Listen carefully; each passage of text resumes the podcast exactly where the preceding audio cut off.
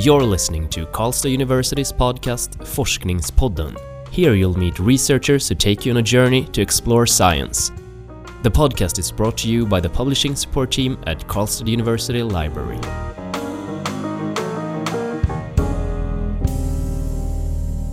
Hello and welcome. My name is Nadia. And I'm Magnus. And today we have Farzaneh Karegar with us, and she is an expert in questions that revolve around privacy issues online. Welc- welcome, Farzaneh. Thank you.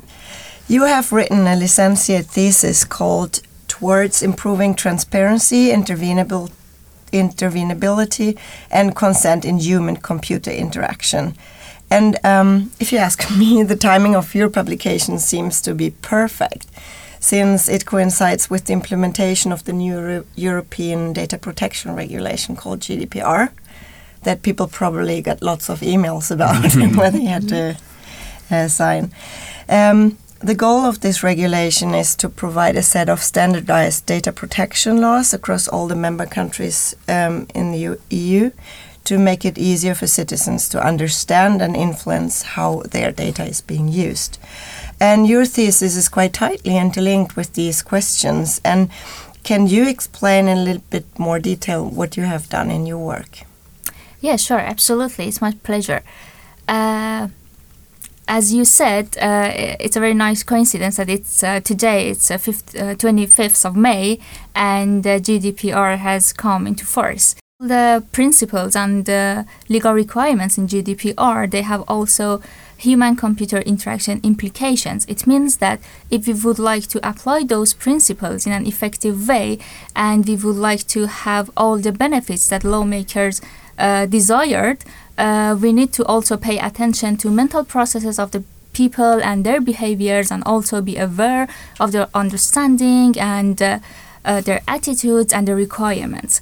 Uh, so, in order to address these uh, HCI implications, we need to try to uh, fill the gap or contribute to fill to filling the gap between legal and user-centric uh, requirements. I mean, transparency, intervenability, and consent in my thesis that I focused on. So, in my dissertation, I tried to contribute to fill this gap and uh, to pay attention to the uh, requirements of the users to consider them through the whole development cycles of the solutions that I propose and the tools that I proposed, uh, which uh, mm, I aim that uh, those tools and solutions could help people to make better uh, informed consent and to have more transparency about their information and to be able to exercise their rights, for example, to interfere in the processing of their data, to delete it, edit it, and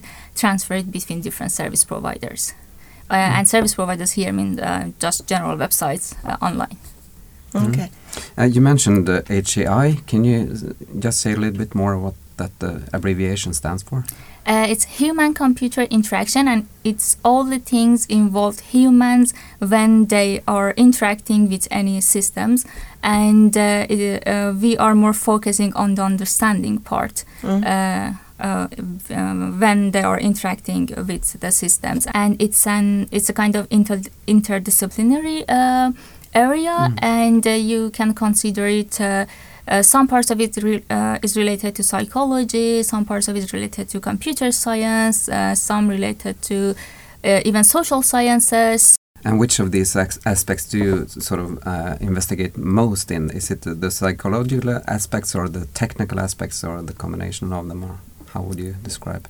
Uh, for sense? my work, it's uh, a little bit about psychology and uh, things from design and computer science because we are trying to propose design solutions and tools uh, but at the same time we are considering users understanding of all of these tools and methods.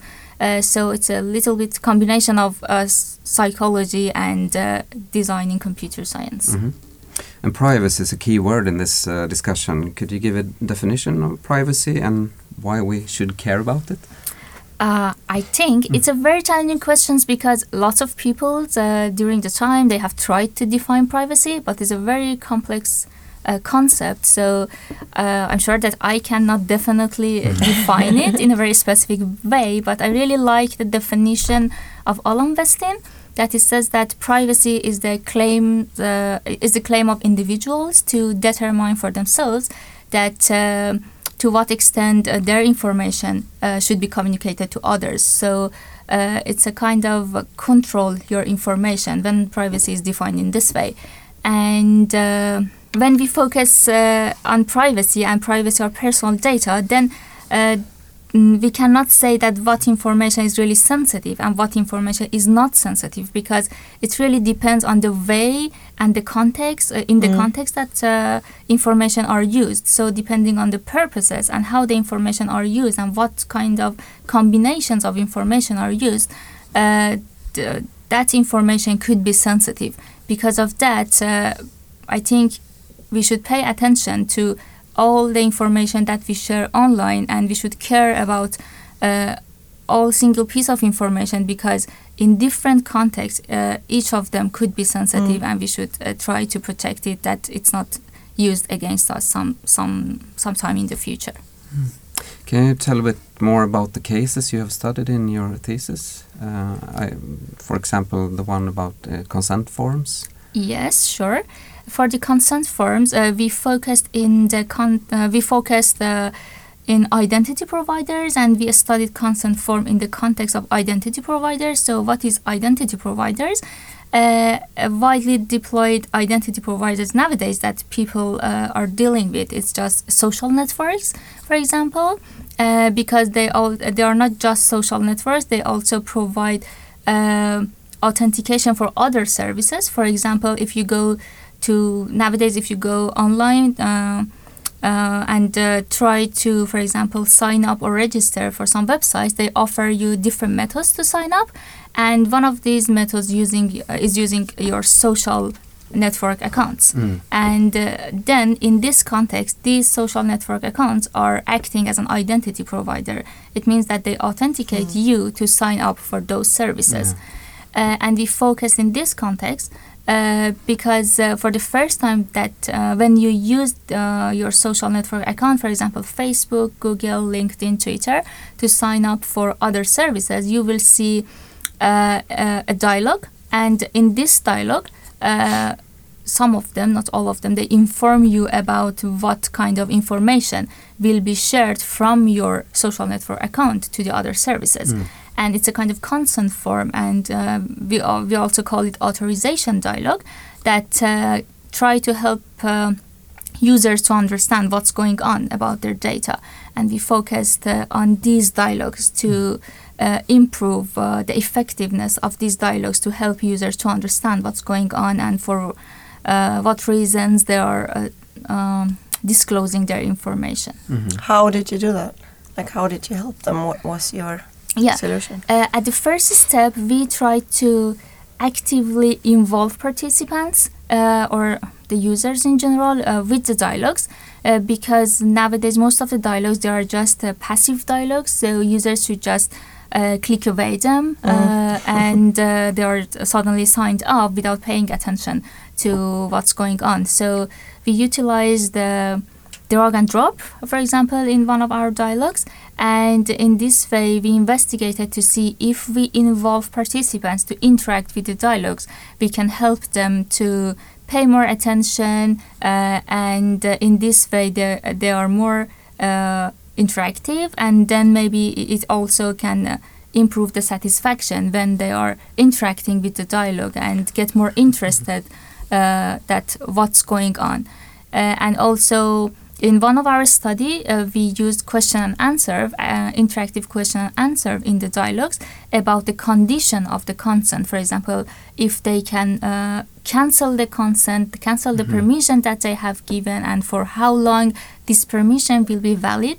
The, uh, these are the kind of information that uh, is also uh, mentioned in the GDPR as the requirements for informed consent that should be provided to users when uh, they are requested to share their data and we provided these information in the dialogues and uh, afterwards uh, i mean uh, in the dialogue after they have selected their information uh, we asked them some true false questions in the dialogues and they reflected on their knowledge. So if they answered uh, in a wrong way, they received the right answers and uh, they had to Oh. select the right answers. And after that, uh, the button to continue it was activated, so they could afterwards continue uh, when they uh, they were finished with all the correct answers. So we tried in this way to improve the knowledge uh, about the information that they shared and condition uh, under and the condition under which they shared the information. And how would you apply this to the real world? Like this was in a test environment, kind of. But if that would be in the real world, you would just like how would you l- Mhm. try to teach me that are listening to this podcast, for example, to do the right thing? Yeah, uh, I think in this way, um, because it's about design, uh, stakeholders should care about it. Uh, for example, uh, all the service providers that uh, they need the consent forms, they should care about such results and uh, they should care about making uh, their UIs compliant with the GDPR in a way that users also benefit and Mm. understand it. Uh, so, if we- I would like to apply it in the real world, uh, I should be a designer of a service provider Mm, and okay. then take this result and apply it to the real Mm. world. Yes. Okay. What would you say are the most important findings of the thesis? Among the results, I would like to drag user, uh, the people's attention to the fact that nowadays it's not just about the time and the efficiency to do a task for the users. Uh, they also uh, very they are also very much interested in taking control over the data because we are uh, too much focused on just making things very efficient and uh, just doing tasks very fast and they think in this way uh, we will provide the most usable uh, system for the users. But our studies uh, showed that uh, people uh, express their desire and voice the, their desire to take control over the data and in different contexts for example when they were trying to transfer uh, or uh, in the study we asked them to transfer their information exercising one of the rights in the gdpr that is the right to data portability. Uh, it means that transferring data between services people preferred the way that gave them more control rather than the way that it was more le- uh, that it was less time consuming and uh, was more efficient Mm. and also in another context that um, it was the context of identity providers and social networks uh, again people prefer to have um, uh, the option to select the information themselves rather than having the information pre-selected by default even Mm. the mandatory information uh, and it's a good way that we can utilize it and slow users a, a little bit down to reflect more on what uh, and on what's going on Mm. um, so I think it was uh, the most interesting things that I would like to express. Yeah. Uh, one thing that you mentioned in your thesis is that you have, uh, uh, you mentioned design and, and the, design of a transparency enhancing tool, as you call it. Can you say a little bit what that is and how it can help? Sure.